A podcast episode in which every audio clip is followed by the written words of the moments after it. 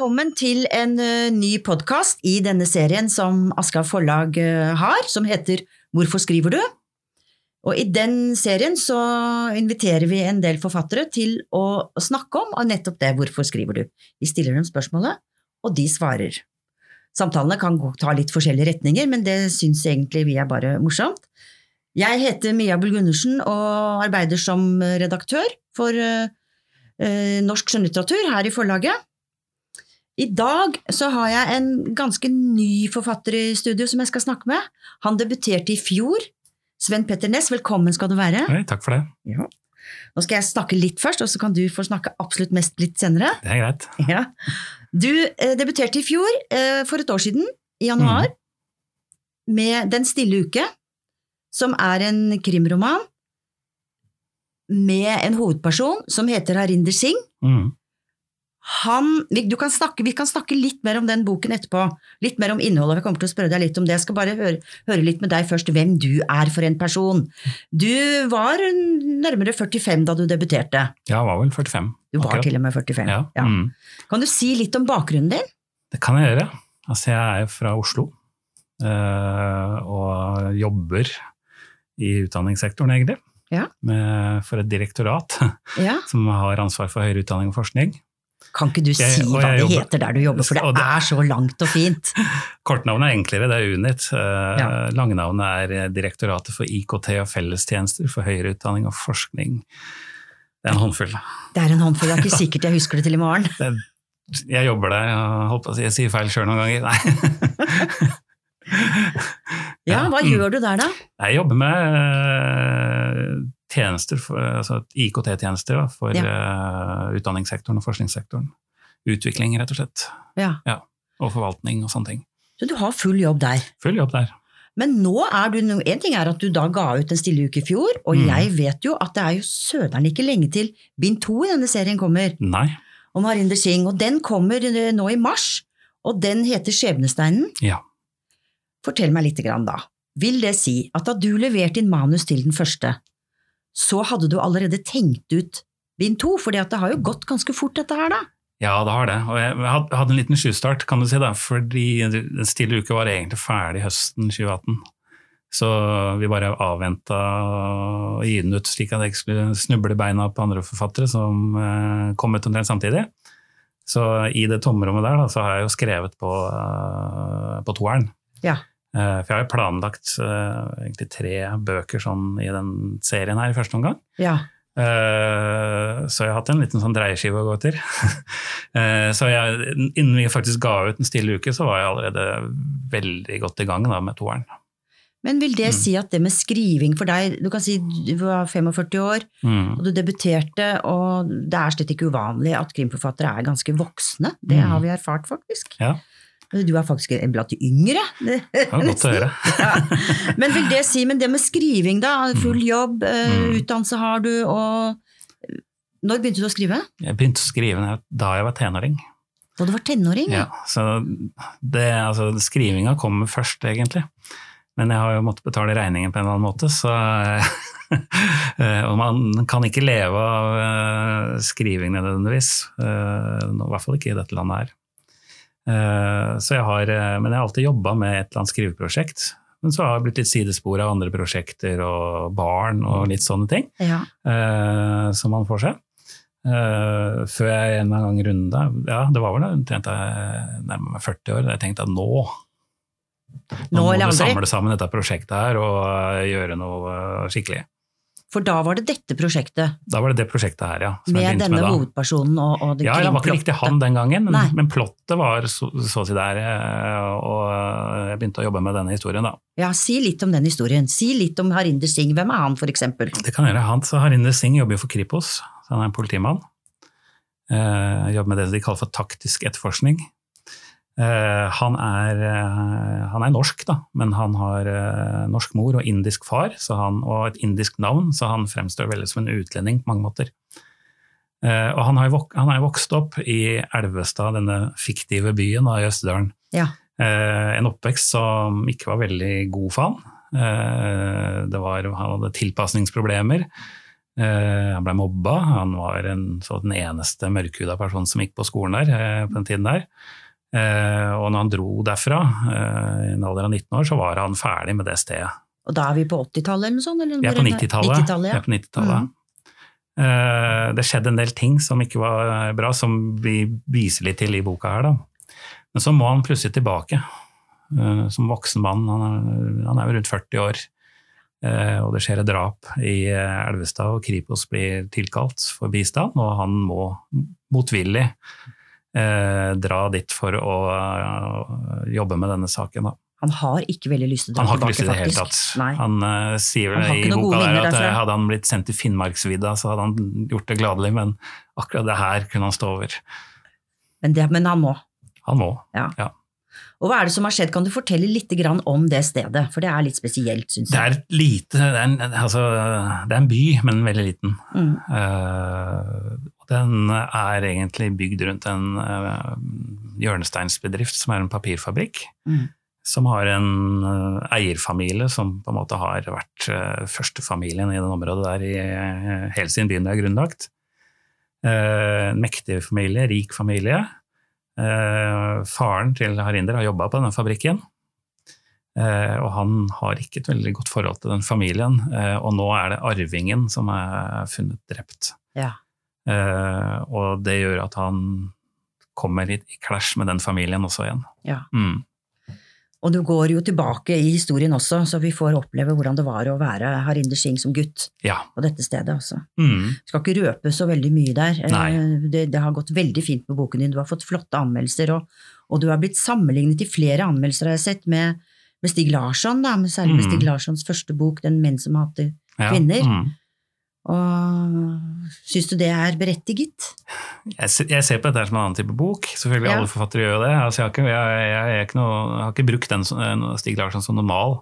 Eh, men så ser jeg at det er noe tematikk kanskje som berører hverandre, som gjør at disse, man har, andre har veldig fort gjort for å trekke sånne sammenligninger, i hvert fall. Eh, jeg tenkte ikke på det da jeg skrev, men, eh, men det er jo, jeg tar det som en kompliment. Da. Det, er sånn det er, en særlig vellykket forfatter som har skrevet eh, spennende bøker, så ja ja. Det må man kunne si. ja, ja. Det er ikke noe slett sammenligning, Nei, det var ikke det. ment. Det Altså. var på, av de som er nevnt, så har det nok ikke vært vondt ment, nei. Nei, jeg tror det er godt ment. Jeg tror det er godt ment. Ja. Men du sa det at du, du har skrevet siden du var ung. Mm. Men hva skrev du da? da? Var det, hadde du begynt på et krimplott allerede som Ikke krim, egentlig. Litt Nei. mer altså Først handler om korte historier, noveller, eh, bare som mest for å underholde meg sjøl. og så jeg, har jeg vært Jeg er jo egentlig veldig glad i science fiction og skrekk, ja. da, egentlig. Ja, Og den stiluke begynte jo egentlig som en Jeg hadde når jeg først tenkte på den som en litt sånn skrekkhistorie. det er jo ganske Eh, brutalt det som skjer i den. ja, ja, ja, ja. ja. Eh, men det, var, det, var, det tok litt tid før jeg liksom tenkte sånn at det logiske er egentlig å skrive krim. Det er det jeg kan, altså, både fordi jeg leser mye krim, og fordi jeg har eh, jeg skrev særoppgave om krim da jeg gikk på skolen. Altså jeg, jeg kan mye om sjangeren. Skrev du særoppgave om krim? Jeg gjorde det. Ja, altså, Noen spesielle krimbøker? Eller Jeg måtte velge meg ut eh, Jeg måtte skrive generelt om sjangeren, og så velge meg ut var det, fire bøker Ja. eh, som eksempler, da, og, og liksom dykke litt dypt i de bøkene der. Dette er Husker mange du- år siden, så jeg husker ikke alle, men jeg husker at jeg valgte eh, Jernhesten av Riverton. ja. og og eh, jeg tror det var eh, Bitre blomster av Gunnar Staalesen. Gunnar Staalesen, ja. Eh, og så må jeg ærlig innrømme at jeg husker ikke helt de to Nei. andre bøkene. Men du har Men vært opptatt av krim? men særlig Staalesen har jo vært Det var jo Jeg ble kjent med han gjennom den boka der, og har fulgt forfatterskapet hans siden.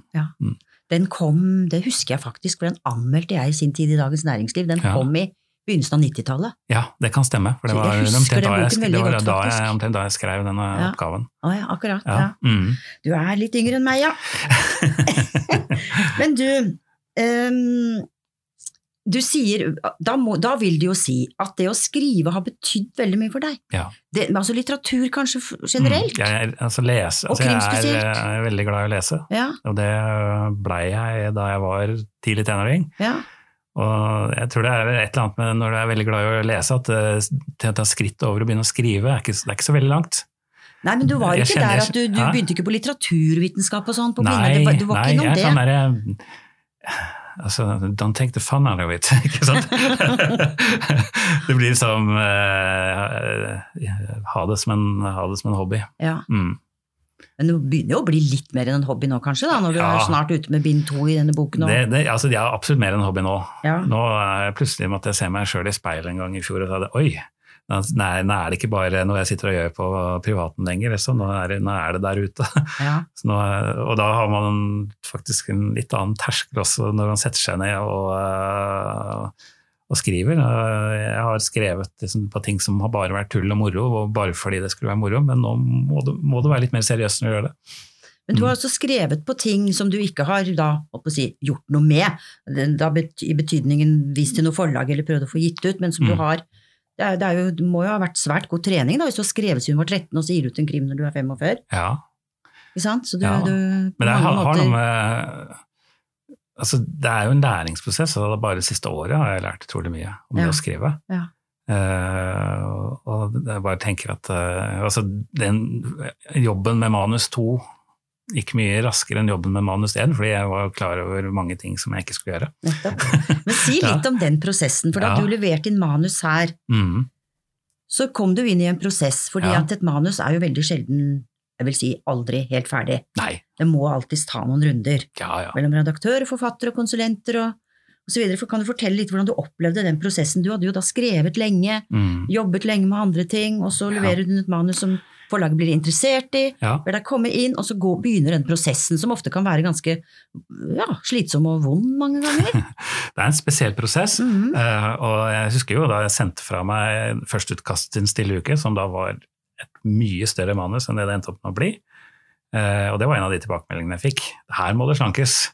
Ikke sant? Uh, men de tilbakemeldingene der har jeg, har jeg alltid syntes har vært veldig greie. Det som er positivt, var at det, liksom, da jeg sendte den inn, så ble den, den ble ikke refusert. Eh, forlaget var interessert, og de ville at jeg skulle jobbe videre med det, og at jeg skulle sende inn nytt utkast. Da blir man veldig oppmuntra. Det er klart, for det er Ja. svært få som kommer så langt, faktisk. Ja, ikke sant? Ja. Så det var liksom det var, Jeg tror det var faktisk noe jeg trengte å liksom vite akkurat da. At ja, dette er, jeg er på riktig vei, dette skal jeg fortsette med. Men det er ikke så veldig mange som syns det er lett å få beskjed dette må slankes kraftig, vær så god, gå hjem og kom tilbake om tre Dette, måneder. dette blir en utfordring. Ja, du- du- det Eh, jeg tok måtte, du- Ja, ja, jeg, jeg, jeg tror jeg tror jeg kan si, og jeg tror ikke de redaktørene jeg jobba med på de to manusene her motsier meg, at jeg tar tilbakemeldinger veldig godt. Det har jeg hørt, faktisk. Ja. Du tar det i hvert fall med et smil utenpå. Mm. Ja. nei, jeg, har, jeg prøver ikke å ha hellige kuer når det gjelder, når det gjelder manus. De Er det noe vel. som ikke funker, så tar jeg det bort. Ja. Mm. Men det er det å finne ut hva som ikke funker, da. Ja. Det trenger man ofte litt hjelp til, kanskje. Ja, ja. Det er, eh, jeg har lært det der at du ser deg veldig blind på ditt eget manus, Ja, eh, og det hjelper å få et blikk utenfra. Altså. ja, det er klart. Men når du skriver, da, hvordan er det du gjør det? Du er på jobb videre. Akkurat nå er du i Jeg skriver ikke på jobb, da. Det har jeg, det regner jeg med du ikke gjør. Men det er ikke når gjør du det da? da? Det blir, det blir eh, ettermiddager, det blir helger, det blir ferier. Eh, og jeg er ikke sånn som liker å sitte og se på TV en hel kveld. Nei? Eh, jeg liker å gå en tur. Mm -hmm. Uh, og så har jeg liksom Hvis jeg har, ikke har noe annet for, så har jeg kvelden åpen. Og så ser jeg kanskje Jeg rekker kanskje å få meg en serie eller en episode av en eller annen serie på TV. Uh, det er alt jeg gidder å gjøre- gjøre av TV-titting. Ja. Og da er det skrivetid. Ja. Fram til Noen ganger fram til midnatt. Er du også sånn som når du da sier at du går tur, Mm. du jobber godt når du går tur, oppi ja, ditt? ja, ja, ja, veldig godt. Det er en av grunnene til at jeg liker å gå. Ja. Å gå og skrive, det er en god kombinasjon. Ja. Det er faktisk ganske mange som sier det, Mm. at ganske mye jobb blir gjort mens man går. Mm. Ja, det er, og så kommer du tilbake. Og så kommer du tilbake, og så blir det ikke like bra som det du tenkte det i huet ditt, men eh, du får bare leve med det. så kan det hende det blir bedre òg. Ja. Men du, nå skal vi se. Eh, jeg leste, det var litt artig, fordi jeg forberedte meg til dette intervjuet, så leste jeg anmeldelser av, din, av boken din, Stille mm. uke. Og da var det to anmeldere som har trukket frem det som er en prolog i boken din. Mm. Den ene skrev noe sånt som at ja, den prologen var kjempeflat og kjedelig, og hvis jeg ikke skulle anmeldt den boken, så hadde jeg ikke giddet å lese resten. Mm. Den andre skrev at det var en fantastisk prolog, og det satte i gang hele, og det var ikke måte på hvor genialt grep det var. Hva Mm. tenker man da? Du tenker at du Det er sånn der, du kan ikke gjøre alle til lags. Sånn er det. Jeg har skrevet den beste prologen jeg kunne komme på. Eh, og jeg ville lage en prolog som jeg føler setter en litt tone for, for hva boka kan handle om. Eh, samtidig som den er litt spennende. En kickstart av handlingen er egentlig det du gjør. Uh, jeg har stort sett altså jeg, Bortsett fra den ene anmeldelsen, så har jeg bare hørt positive ting om den prologen. Ja. Ja, ja, det var litt spesielt. ja, Men, men, men sånn prolog, det er jo noe som Det er det leseren leser aller først i boken, ja. og det er ofte en scene revet ut helt ut fra sammenhengen, Mm. og så fester den, i hvert fall sånn med meg, den fester seg da i meg, Mm. så jeg, så jeg vet at jeg skal på et eller annet tidspunkt tilbake til dette. Ikke sant. Og så begynner historien et helt annet sted. Det er, det er liksom en sånn teaser, det er som åpningen av en James Bond-film. ikke sant? Ja, Starter med noen faktisk. sånn der bitte liten greie, og så har du eh, opening credits, ikke sant? og Ja. så kommer uh, hovedhandlingen. Ja. Og uh, jeg har jo det er ikke alle som bruker prologer sånn. eh, Altså, Elmer Leonard skrev i sin bok 'Ten Rules of Writing', ikke skriv prologer. Men sånne regler er til for å brytes. Jeg syns det funker veldig bra som en sånn, eh, for å legge eh, stemningen. Jeg syns Ja. faktisk også det, altså. Mhm. Det hender faktisk at jeg i jobben min med forfattere har Mm. foreslått at de Hva med hvis vi flytter det der, der Ja. frem som prolog? Tror, Så tror ser vi ja. hva som skjer. Og jeg tror det særlig gjelder krim. Ja, det gjør nok det. Fordi krim handler ikke bare om altså, Du bygger jo opp en historie, men det er som Det er detaljer. Du skal liksom avsløre visse detaljer til riktig tid, og det har, det har liksom eh, og, og prologen er en fin, et fint sted å si noe om litt hva som kommer, og samtidig gi noen detaljer som etterpå har betydning. Da. Skaper en forventning hos leseren, leseren, det er ingen tvil om. Ja. Og denne prologen din er jo ganske guffen, for å si det mildt. En Ja. kvinne som ligger innpakket i plastikk. Mm. Det er ikke sikkert det går så bra med henne. Nei. Nedgravd. Men du, hvordan bygger du plott, da? Bygge et plott i krim, det er ganske Mm. krevende, det. Ja, fordi det må henge sammen. Det skal henge sammen, og det skal Helt bygges opp. Og ja. Ja. Uh, men jeg, jeg, jeg liker jo den prosessen da, veldig godt, men jeg, jeg prøver ikke å male meg sjøl inn i et hjørne når jeg skriver. Jeg har et premiss ikke sant, som er utgangspunktet for historien. Dette er det jeg ønsker å fortelle, dette er det som er, liksom er senter for historien. Uh, og så skriver jeg ut fra det premisset. Mm. Uh, og det betyr at jeg selv får noen overraskelser underveis. Det får jeg håpe. Ja, for det betyr liksom at når du kommer til et punkt at du, uh, du hadde planer, men fordi du har gjort noen veivalg tidligere, så må du bare vrake de planene fordi de henger ikke sammen lenger. Og der forsvant liksom den kule sekvensen du hadde planlagt. Som du kanskje fant på da du gikk bare- på tur. Ja, den- en, av de- ville, tidlige se- sekvensene du hadde planlagt, den sekvensen jeg jeg meg til jeg kommer til, og så har du tatt et annet spor i løypa. Ja. Det skjer. Det skjer, Ja. rett som det er. Da gjelder det å være litt usentimental, da. Ja da, jeg er fryktelig usentimental Ja. når jeg skriver. Ja, det, man- må jo være det. Og så har du karakterer, da. Ja, Eh, Du har Harinder Singh, som vi har snakket litt om, som mm. er eh, nordmann, men som ser litt mørk ut fordi han er halvt inder. Ja. Og så har du en, eh, og han, er, han jobber i Kripos i Oslo, Ja. og han har med seg en makker, yes. en dame, Rakel. hun heter Rakel Hauge. Mm, østfolding. Hun er østfolding. Ja. Ja. Kan du si litt om det med å bygge karakterer, da? ja. Det er jo en, altså dette er jo en politi, dette er en krimroman, en litt sånn klassisk bygget opp politikrim. Mm. med et drap og, og etterforskere. Og nå er det jo vanlig at mange av disse etterforskerne vi har lest om etter hvert, de har jo så mye lyter og så mye drikkegreier og så mye problemer på privaten at man blir jo helt ør. Men Ja. det har egentlig ikke Harinder Singh. Nei, altså og det, altså Når du snakker om karakterer, sant, så er det en, en viktig ingrediens i også krim. Du skal ha et godt plott, men du skal også ha interessante karakterer som du ønsker å følge videre. Eh, og det er jo det er jo liksom grenser for mange variasjoner du kan ha av disse politifolka. Da. Derfor så er det ofte fort gjort å, ha, å gjenta en del av de eh, Jeg vil ikke kalle det klisjeer, det vil jeg ikke kalle det, men det er liksom, du, har liksom, du, du, du prøver å finne noen grep som gjør at karakteren er interessant. Da. Det er lov å kalle det klisjeer òg, Ja, det det, ja. hvor de drikker for mye. Ja, Ja. ja. Harini drikker ikke, han sliter med røyking, han prøver å slutte å røyke eh, og sprekker stadig vekk, men har ellers ingen sånne store feil sånn sett. Da. Nei. Eh, han er litt temperamentsfull, eh, som vi får merke i løpet av boka, eh, men mener stort sett eh, vel. Men det tenkte som var, liksom, Man har jo den litt eh, multikulturelle bakgrunnen, da, Mm. eh, og det har jeg også. Så, for jeg har jo en indisk stefar. Ja, det har du. Ja. Som er faren din på et vis. Ja, ja, Ja. ja, siden jeg var bitte liten. Ja. Eh, Så jeg har lånt litt der, da. Ja. Eh, Men ellers så tenkte jeg at det, det som var eh, mest spennende med Harinder i dette tilfellet, var jo ikke det at han hadde masse lyter, men at han kom, det er liksom møtet hans med hjembyen og det som skjer der. Det står litt på egen hånd. Liksom. Jeg, trengte, jeg, å, jeg følte ikke at jeg trengte å finne på masse eh, rare karaktertrekk. Nei. Nei, for det er jo ikke Mm. bare etterforskningen her som er Nei. spennende, det er jo også det at han møter igjen sitt gamle liv, Mm. og det blir vanskelig for ham. Ja. Men nå er du ferdig, vet jeg, med bind to, egentlig. Ja. Skjebnesteinen, som Stemmer. kommer om ikke så lenge. Mm. Og der er det fremdeles Harinder Singh. Der er det fremdeles Harinder Singh, og nå har jeg snudd litt på settingen. Ja vel? Fordi eh, nå skal han hjem, altså i Den stille uke dro han jo hjem. Mm. Nå skal han ut, nå skal han til Skottland, til Edinburgh.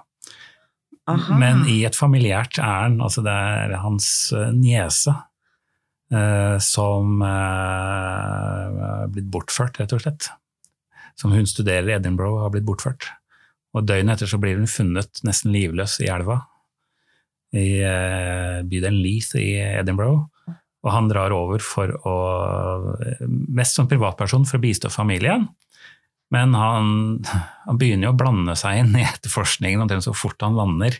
Selv om det er den ene tingen han har fått streng beskjed ikke sant, om å ikke gjøre. Kanskje han møter Er det ikke der Ian Rankin skriver fra? Ian Rankin skriver fra Han skriver fra Edinburgh. Hva heter Edinburgh. helten hans igjen? Uh, John eh, Rebus. Rebus, ja. Ja. Kanskje han møter ham? Ja, han, altså han gjør ikke det, man møter en, kan du si en Rebus-aktig type, for det er en, en pensjonert skotsk etterforsker som er med i denne boka, som han kjenner fra før av, som heter eh, James Riddle. Akkurat. Ja. Jeg tenkte det kunne vært litt morsomt hvis du Ja, nei, jeg tror ikke jeg Ja, kunne trenge meg inn på Nei, du kunne kanskje ikke det men eh, han eh, Riddle som han møter, er jo en sånn typisk sånn eh, henta ut fra de eh, altså både Rankin og Dexter, altså Morse, ikke sant. Ja. Sånne typer Sånne typer, ja. Men han er pensjonist, da. Ja. Ja. Men det er spennende å få han over dit. Er du godt kjent i Edinburgh? Veldig godt kjent. Jeg har jo vært eh, Jeg var vel der for første gang i 1996, var det vel? Oh, ja. Og har jo vært der mange ganger etterpå. Akkurat. Så Da var det ikke så rart for deg. Nei, og det var liksom litt av det jeg ønsket at Ja. boka skulle få. Jeg kjenner byen ganske godt, og det er en, det er en by som egner seg for, for spenningsbøker. Det er en spennende by med mørke gater og trange smug. Og brune puber.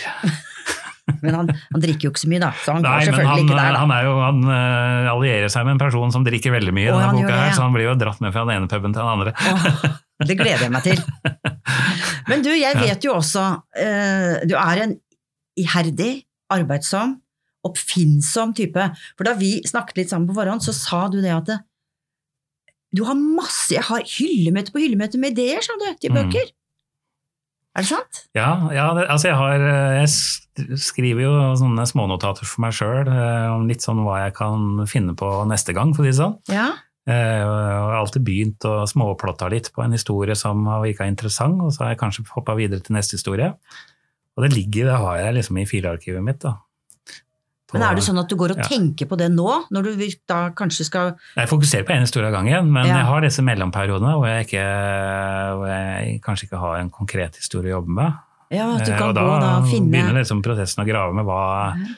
Og Det er sånn, kanskje egentlig at jeg går eh, tur i et nabolag, og så syns jeg gatenavnet var artig. og Oi, der har jeg tittelen på en bok! Da, da. Og så putter du det inn i filene dine. Ikke sant? Ja.